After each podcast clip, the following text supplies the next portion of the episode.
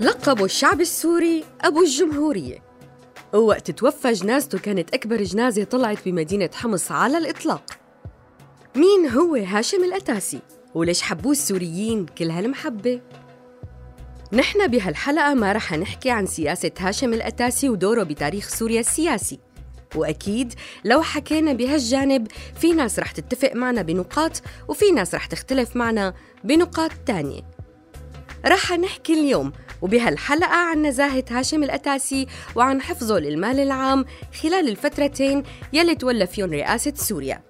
واللي كانت الأولى منهم من 21 كانون الأول عام 1936 لسبعة تموز عام 1939 والثانية من 1949 لل 1955 والقصص يلي رح نحكي لكم إياها نقل عن مؤرخين وشاهدين على عصر الأتاسي.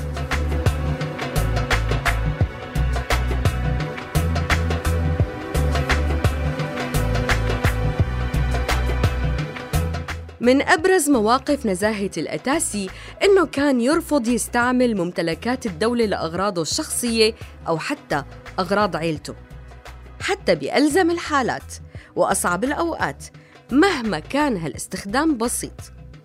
ومن القصص الواردة عنه بهالخصوص إنه خلال فترة رئاسته الأولى وبالتحديد سنة 1937 وصلوا من حمص خبر وفاة ابنه البكر فطلبت زوجته وكنته من أحد المقربين إله إنه يتواسط لهم عند الرئيس ليبعتهم لحمص بسيارة من سيارات القصر ولما سمع الرئيس بطلب زوجته وكنته بينت عليه علامات الغضب وقال ليش سيارة القصر ملك لأبي؟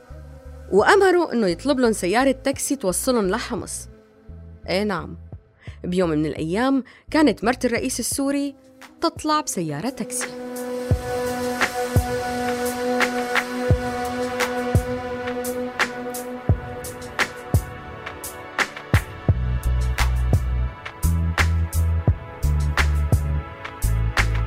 وكمان من المواقف الواردة عن نزاهة الأتاسي موقف رواه مصباح الغفري بمجلة صوت العراق.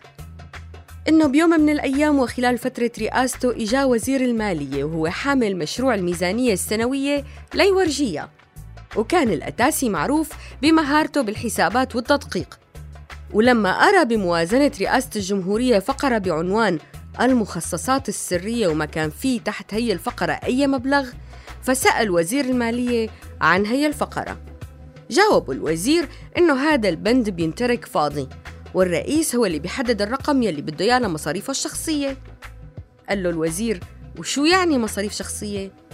قال له الوزير مثلا المصاريف يلي بتندفع للصحفيين العرب والأجانب أو مثلا المصاريف يلي بيدفعها الرئيس لناس بيوظفهم بشكل سري لمهام محددة. وأنه هي المصاريف ما بيتقدم فيها فواتير. فمسك الرئيس الأتاسي القلم وشطب الفقرة كلها ورفض أنه ياخد أي مبلغ لمصاريفه الشخصية مهما كان المبلغ بسيط.